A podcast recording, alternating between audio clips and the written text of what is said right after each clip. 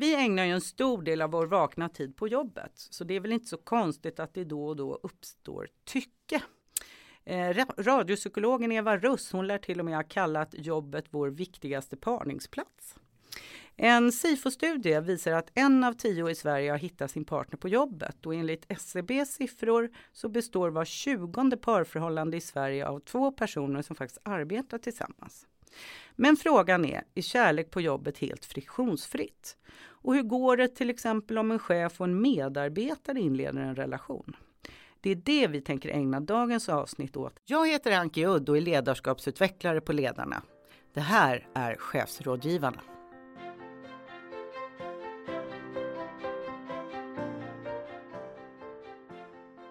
Och i vanlig ordning så har jag två personer till min hjälp att reda ut frågor i det här ämnet. Jag börjar hälsa välkommen till dagens chefsrådgivare Ove Ekerbring. Stort tack Anki! Eh, hur, hur, hur, står det till idag Ove? Det är väldigt bra! Är det det? Jajamän! Har du hittat kärleken på jobbet någon gång? Nej, jag har inte hittat kärleken på jobbet någon gång. Nej, där ser man. Så du, tråkig var jag. Du tillhör inte de där var tionde då som fann din partner på jobbet? Nej. Nej. Eh, men jag vet att du kan få frågor om det här med relation, kärleksrelationer på jobbet till chefsrådgivningen. Vad, vad kan det vara som kommer upp då? Ja, det är väl många olika frågor. Du har varit inne och berört ett par av dem, men just medarbetare, anställd eller chef, medarbetare, hur ska man hantera de situationerna? Chefer ringer in och har medarbetare som har fastnat för varandra på en julfest eller något liknande och hur man som chef, vad man får och vad man inte får göra. Mm. Spännande, vi kommer komma tillbaka till den typen av frågor. Och vi har också en gäst med oss idag och idag finns Karin Dannert här. Välkommen hit Karin! Tack, roligt att vara här! Eh, Karin, du är beteendevetare och grundare av något som heter Heartpace AB. Berätta lite för lyssnarna dels vad Heartpace AB är och vad du gör till vardags.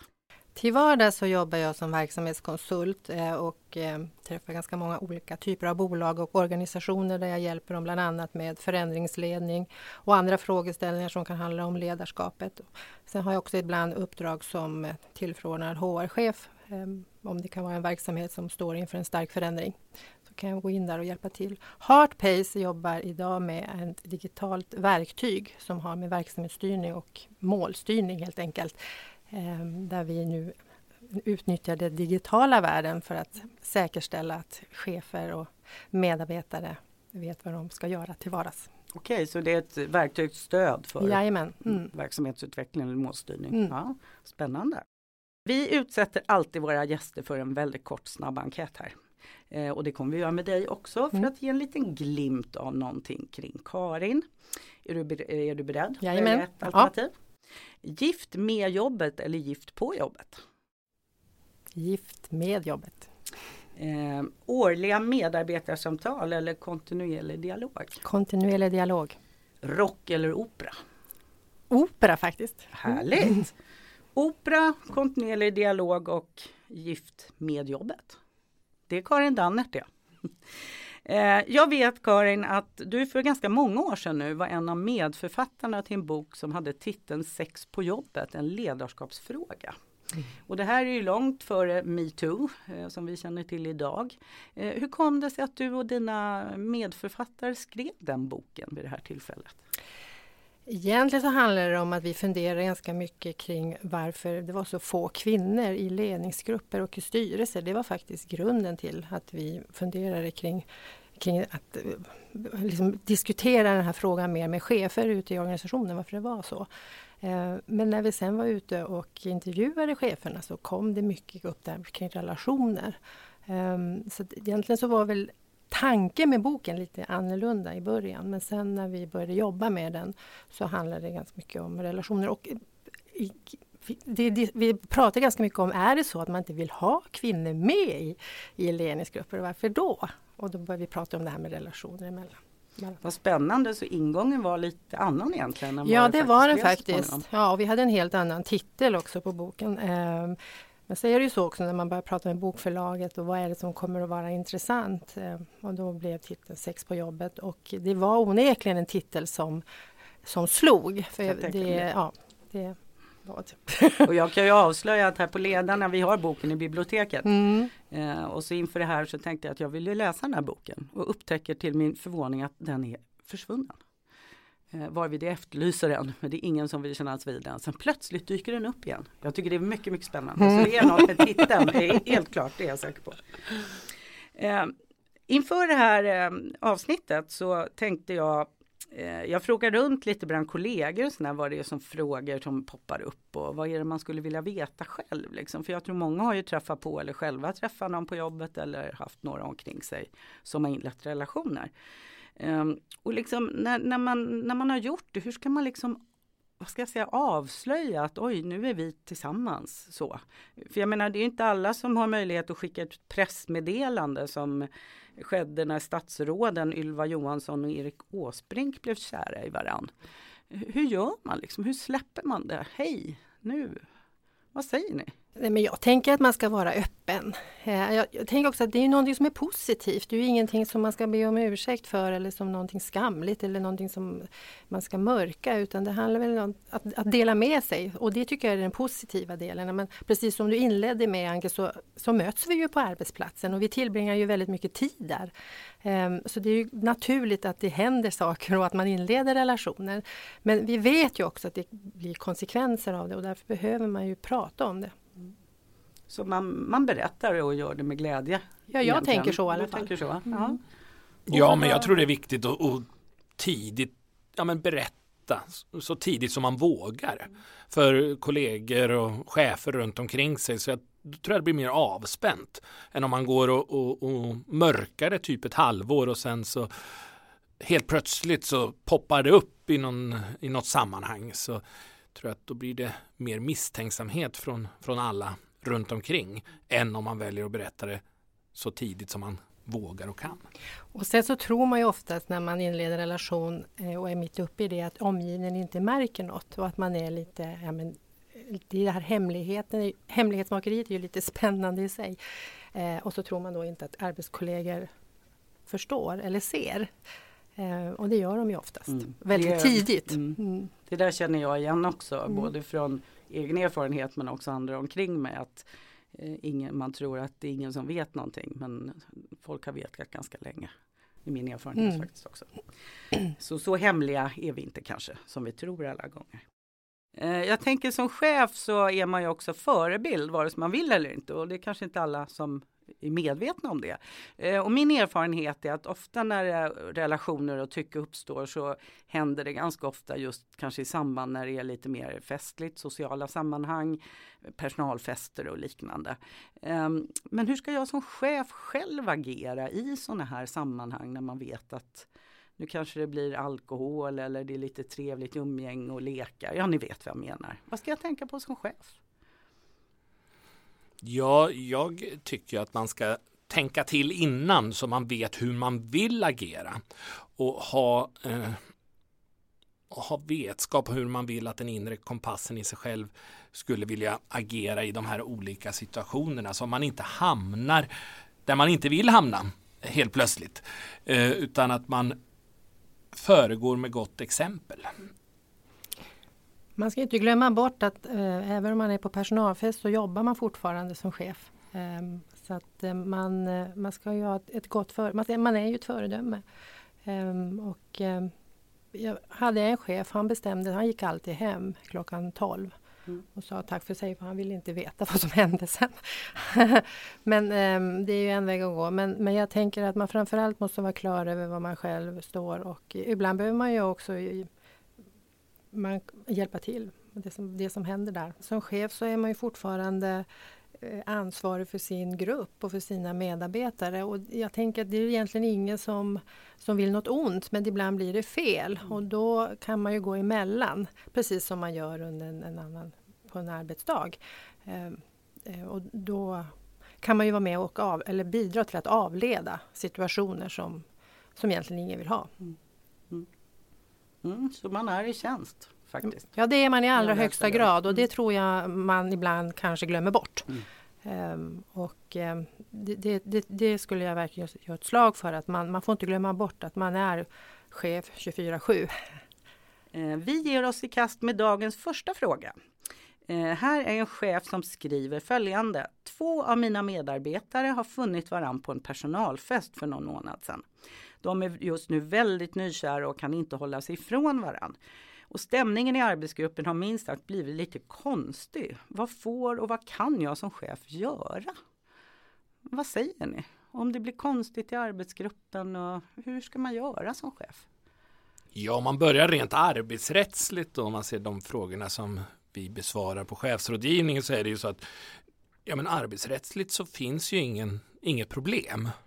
Man kan inte göra någonting arbetsrättsligt i det här läget som det, eh, som det är, utan man här handlar det om sunt förnuft mer och att man då får samtala med berörda parter om att man kanske bör tänka på hur det uppfattas runt omkring i arbetsgruppen och att man som chef kanske bör ja, men, se till att alla parter blir lite mer noggranna och hantera situationen utefter vad, hur man skulle själv vilja bli hanterad. Mm. Så det finns inget lagbrott att bli förälskad? Absolut det känns inte. väldigt skönt att höra. Karin, vad ger du för råd till chefer om de har en sån här situation? Jag tror att dilemmat som vi har här det är ju att en relation uppfattas ju både som privat och samtidigt så blir det ju offentligt eh, eller publikt när man är på en arbetsplats. Eh, och det här handlar ju om en relation som är på kanske samma avdelning eller eh, inom samma bolag så att man, man umgås och jobbar tillsammans.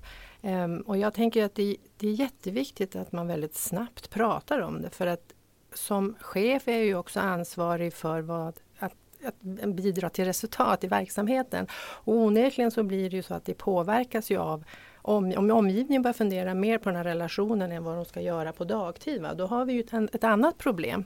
Um, men jag tror att man brottas ganska mycket med att man vill ju inte lägga sig i och, och därför så drar man ju lite för sig att gå in i den här privata sfären. Nej, och det är väl som du säger så länge, eller som Ove också, det är klart det är inget lagbrott. Nej. Det finns inget arbetsrättsligt. Däremot om det påverkar jobbet, då har man ju något att prata om naturligtvis, och eh, ha en dialog kring. Och det vet, det är bara att gå till sig själv i ärlighetens namn den gången man var nykär. Det är inte så att fokus kanske ligger på arbetsuppgifterna. Jag vet inte. I alla fall inledningsvis. så kan det vara. Så rådet är att prata med de som är berörda helt enkelt. Var öppen och prata om vad som händer.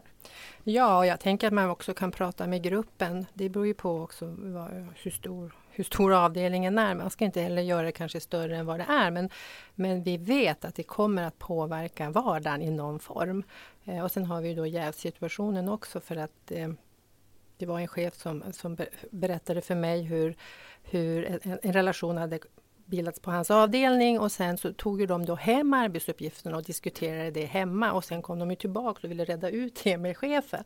Man tar ju med sig jobbet hem och så fortsätter man att jobba hemma och så går man tillbaka till jobbet och det där är man ju ganska omedveten om tror jag i sin relation. Man är ju uppe i det man gör. Mm. Eh, Medan då chefen var ganska trött efter ett tag och tänkte att det här funkar inte.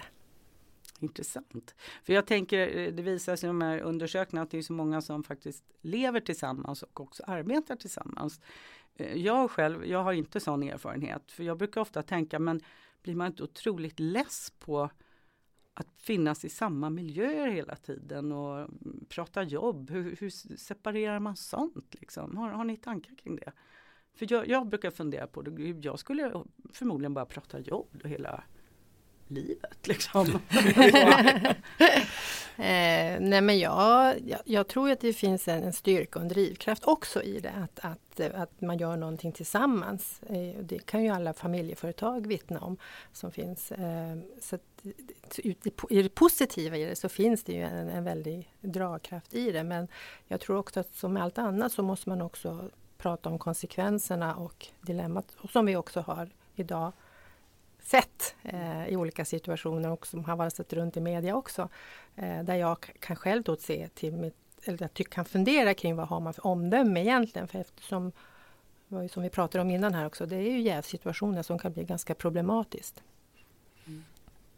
Det skulle vara rätt tråkigt att behöva prata jobb hela livet. Men, ehm, men det som är, jag tror jag skulle ha väldigt svårt för att hela tiden ha, vara som du säger i samma miljö och aldrig få någon annan annan miljö att, att vistas i och kunna byta samtalsämnen och få, få avbrott från de olika delarna i livet. Så att eh, jag är rätt nöjd att jag har det som jag har det. Mm.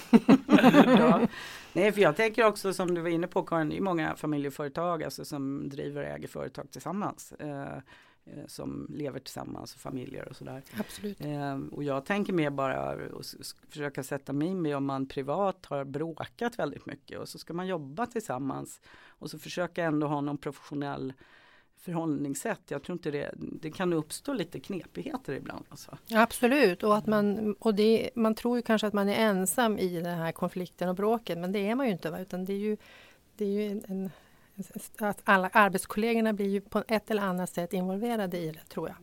Mm. Eh, och det är väl där då som man behöver prata om det. Då.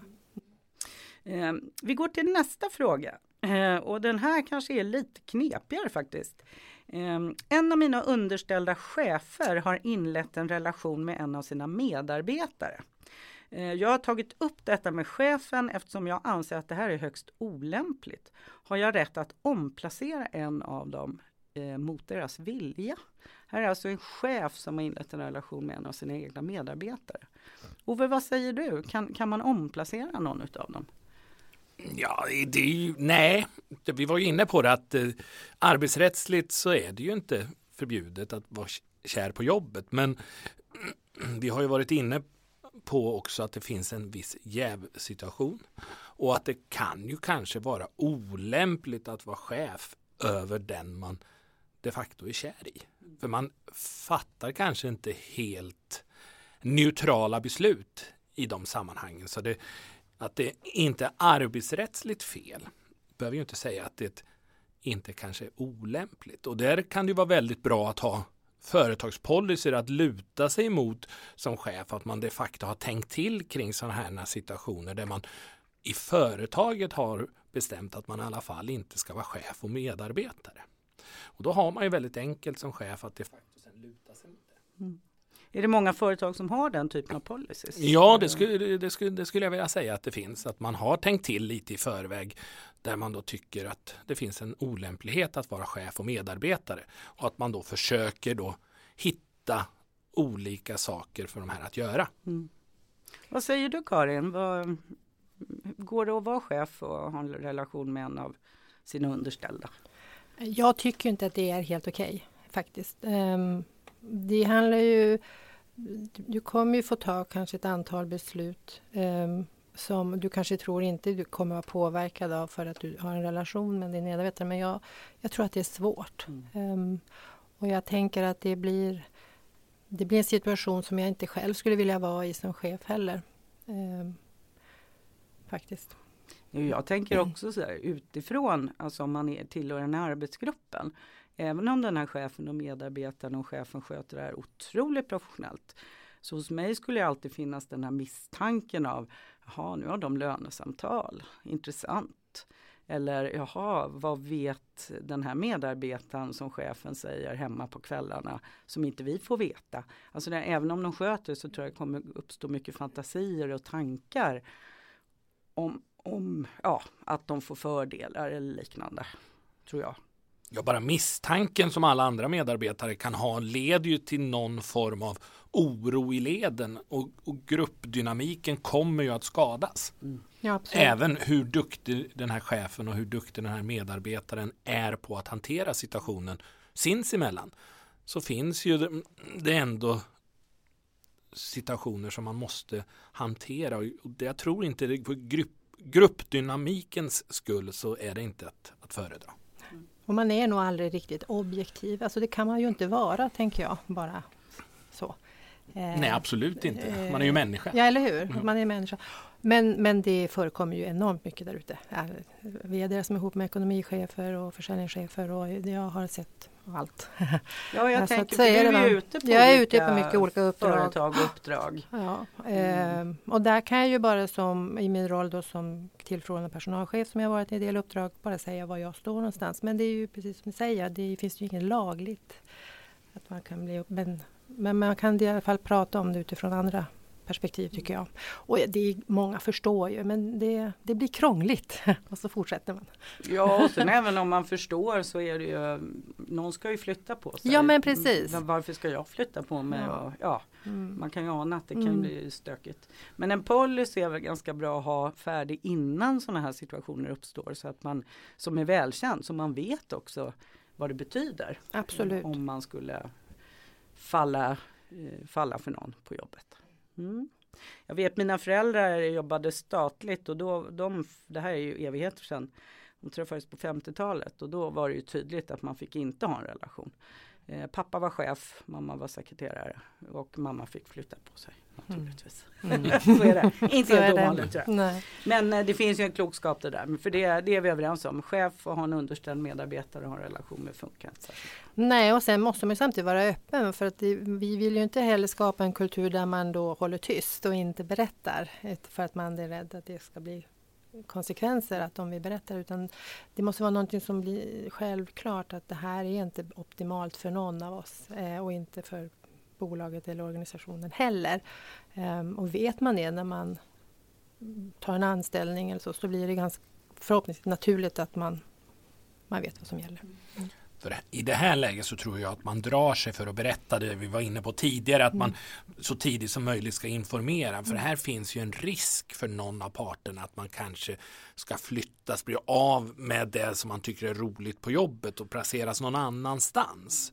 Så här är det ju viktigt att företagen är ja, men, transparenta hur man hanterar på det här sättet. Och det behöver ju inte alltid vara medarbetaren som ska flytta på sig utan chefen kan ju lika gärna vara chef någon annanstans för en annan avdelning och byta med någon, en annan avdelningschef. Så att man som företag påvisar på att man är väldigt transparent och neutral med det här. Att det inte bara chefen som står still i detta utan kan man lika gärna vara medarbetaren som stannar. För att man, så man får ett klimat på jobbet som är så att man vågar berätta även sådana här jobbiga saker. Mm-hmm. Ja och i grunden, precis du sa Karin, i grunden är det här något väldigt positivt. Det är ju jätteroligt att människor träffar varandra naturligtvis. Men just det här med transparensen tror jag att man vet hur det hanteras. Det tror jag också är jätteviktigt. Jag tänkte gå till fråga tre och det här är ett rafflande problem de har tror jag. Eh, så här skriver en, en lyssnare till oss. Just nu pågår ett riktigt svartsjukedrama med tre medarbetare i min arbetsgrupp. Två av dem har haft ett förhållande tidigare och när detta tog slut så inledde en av dem en relation med den tredje personen. Det här är ju inte en konflikt som överhuvudtaget har något med arbetet att göra. Hur ska jag hantera den här situationen? Har ni något råd till mig? Ja, vad säger ni? Man kan ju ana att det är lite dålig stämning. En aning. Nu, var det en hon som skrev det här? Nej, det vet Nej, det inte. vet det vet inte, inte. det vet inte. eh, nej, men jag tänker att det här är ju igen, de skriver att det är privat, men är det det tänker jag? Att, att man, det här är ju en konflikt som kan vara många av andra typer av konflikter. Eh, nu, nu handlar det här om en relation men, men det blir, den påverkar ju jobbet i allra högsta grad. Jag tror att man som chef inte ska vara rädd att bjuda in till samtal för att det här är ju också någonting som de berörda också inte mår bra av. Eh, Så min erfarenhet är i alla fall att, att man ofta vill prata. För man tycker alla att det är jobbigt. Eh, Sen är det ju viktigt att chefen ska ju inte bli en samtalsterapeut. För det, är man ju ofta, det, är man, det har man ju inte utbildning för och, och det är inte ens, det är ens uppdrag. Men jag tror att man, uppdraget är ju att som chef att man måste vara med och stötta och hjälpa. Och också vara tydlig med att så här kan vi inte fortsätta. Det, går, det är inte bra. Vad ska vi göra? Och, och också naturligtvis eh, eh, erbjuda hjälp och stöd i någon form. Eh, men framför allt liksom få det upp på bordet. För när man får det upp på bordet, det är då man kan vara tydlig och agera. Eller hur? Ehm, Men jag tror att man, man drar sig i det längsta. För precis som du inledde med, det är någonting privat och här ska jag inte vara inne och lägga mig i. Eh, Men jag tror att så fort det påverkar din arbetssituation och din dag så måste man gå in eh, och, och agera. Ja, det är jätteviktigt att chefen väljer att plocka upp stafettpinnen och göra något av den. Att ta samtalet med de här individerna till att börja med som det direkt kanske berör och förklara att eh, man ser eller att det märks att det påverkar gruppen och så vidare. Och sen då kanske prata med övriga, alltså se till att alla får information och att man har en dialog kring hur de tycker att det påverkar situationer och så. Så att man inte sopar under mattan. För det är ju det vanliga i all form av problematik eller alltså att man har problem med relationen i gruppen. Man har en tendens av att försöka sopa det under mattan.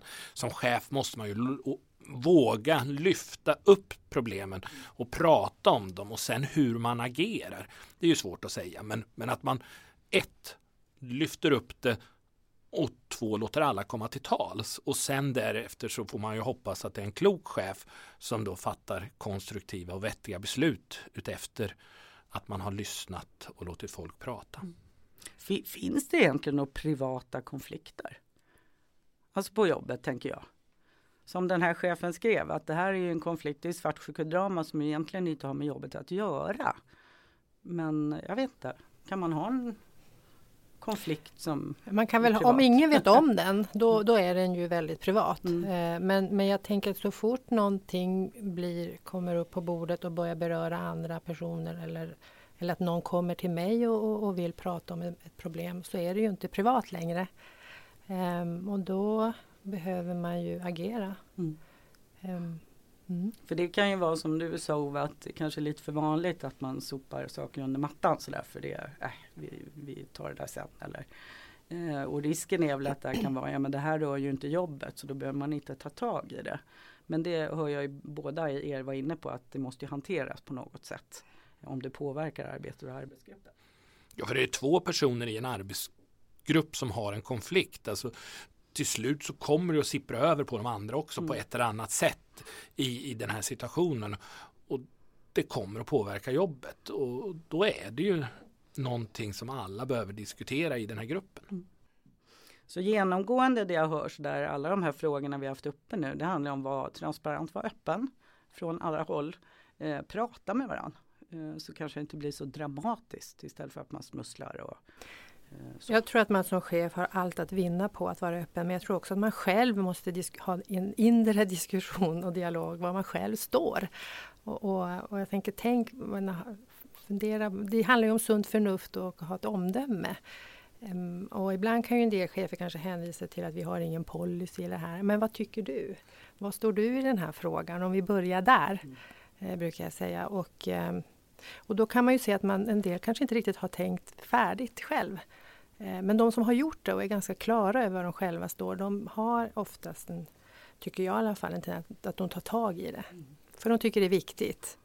Och jag tror det där är väl ett råd nästan vilken fråga det än gäller för chefer. Att börja hos sig själv. Mm. Vad står jag för och vad ligger mina värderingar? Vad tycker jag är lämpligt och så vidare. Och som chef att man faktiskt har tänkt igenom dem. Eh, för då är det lättare att agera utifrån eh, om man redan är genomtänkt så att säga. Absolut. Mm. Mm. Eh, härligt! Eh, ja det är ju onekligen en del utmaningar det här när kollegor inleder relationer. Det har vi hört på de här frågorna som har kommit in. Men Karin, vad säger du? Ska, ska vi helt enkelt låta bli att bli förälskade på jobbet kanske? Absolut inte. Eh, det är väl helt fantastiskt och underbart och ehm, det var väl också någonting, de intervjuer vi gjorde för 16 år sedan när vi skrev den här boken eh, vittnar ju om det. Att det fanns ju väldigt mycket energi och, och, och som även smittade av sig på gruppen ska jag säga. Eh, så att, nej, vi ska fortsätta att inleda relationer men vi ska också prata om det och vi ska ta konsekvenserna av, av det också tänker jag. Härligt! Ove, vad säger du? Ska vi sluta bli förälskade på jobbet? Absolut inte. Hantera det med sunt förnuft så kommer allting att bli väldigt bra. Underbart. Så fortsätt att falla för varandra ute helt enkelt. Ja, det är vårt budskap från chefsrådgivarna idag. Eh, och jag vill säga ett stort tack till mina gäster här idag för att ni medverkar. Och påminna dig som lyssnar att skicka in din fråga till chefsrådgivarna ledarna.se. Tack för idag!